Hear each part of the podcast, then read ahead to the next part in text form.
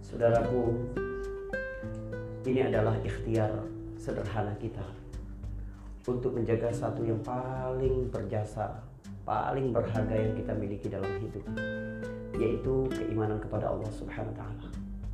Kelas ini bertujuan ingin sama-sama kita mengingatkan bagaimana kita menjaga hal yang paling berharga dalam hidup kita. Sebagaimana hadis yang diriwayatkan oleh Imam Ahmad. Nanti kata Nabi, ada satu umatku yang Allah pertontonkan di depan seluruh makhluk pada hari kiamat. Orang itu dipanggil di hadapan Allah Subhanahu wa taala. Ini adalah hari pembalasan yang tidak ada rahasia sedikit pun di situ. Orang itu dipanggil dan kemudian ditunjukkan kepadanya 99 catatan amal. Setiap catatan amal itu panjangnya sejauh mata memandang. Isinya adalah dosa-dosa dan kemaksiatan yang dia lakukan di dunia. Ada 99 catatan dosa yang setiap catatannya itu sepanjang mata memandang. Ditunjukkan kepada orang itu. Lalu Allah bertanya kepadanya, "Hambaku, apakah engkau ada pembelaan terhadap catatan-catatan amal buruk itu?" Hamba itu berkata, "Tidak ada ya Allah. Aku memang benar pernah pernah melakukan itu." Kemudian Allah berkata, "Tidak.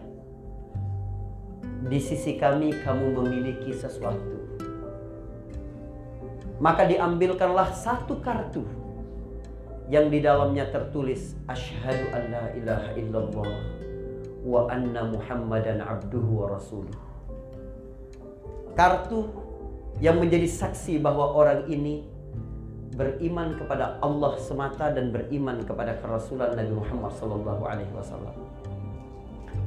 Ketika itu diperlihatkan kepada sang hamba, hamba itu tercengang dan berkata, "Ya Allah, apa artinya selembar kartu itu dibanding catatan-catatan dosa dan kemaksiatan yang tadi sudah ditunjukkan kepadaku?" Maka didatangkanlah mizan, timbangan. Diletakkanlah di satu sisi seluruh catatan dosa dan kemaksiatan itu. Sehingga sangat berat timbangannya. Dosa-dosanya menjadi sangat berat. Lalu kemudian Allah meletakkan satu kartu yang berisi asyhadu alla ilaha illallah wa anna muhammadan abduhu wa rasuluh di sisi timbangan yang lain. Seketika sisi timbangan yang berisi kartu itu lebih berat dari seluruh kemaksiatan-kemaksiatan yang dilakukannya. Dan hamba itu pun dimasukkan ke dalam surga. Saudaraku, apa arti kemaksiatan sebanyak apa pun?